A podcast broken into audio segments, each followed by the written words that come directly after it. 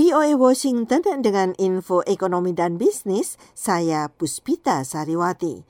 Presiden Joe Biden dan Menteri Perdagangan Cina Raimondo mengumumkan hibah federal bernilai 1 miliar dolar untuk sektor manufaktur, energi bersih, pertanian, bioteknologi, dan banyak lagi.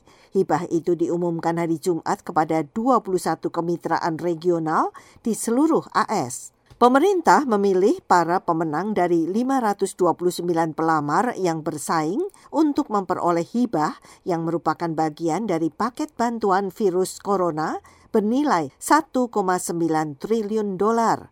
Hibah itu termasuk 65 juta dolar di California untuk meningkatkan produksi pertanian dan 25 juta dolar untuk kelompok pengembang robotik di Nebraska negara bagian Georgia mendapat 65 juta untuk bidang artificial intelligence atau kecerdasan buatan, 64 juta untuk pengembangan baterai lithium di New York. Daerah penghasil batu bara di West Virginia menerima 63 juta dolar untuk membantu peralihan ke tenaga surya dan prakarsa penggunaan baru untuk pertambangan yang ditinggalkan.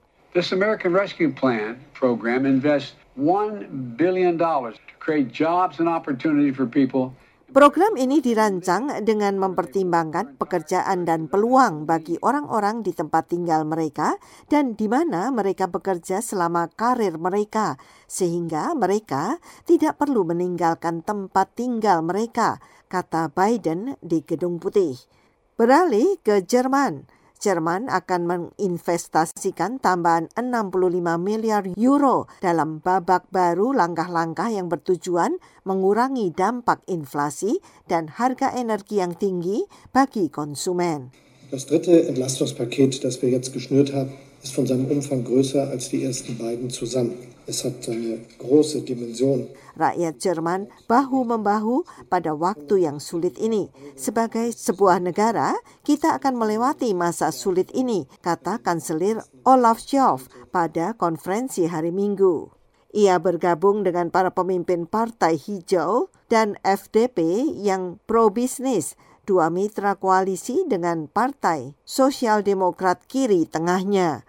Di antara langkah yang diumumkan hari Minggu termasuk bantuan satu kali pada konsumen untuk membayar biaya energi mereka.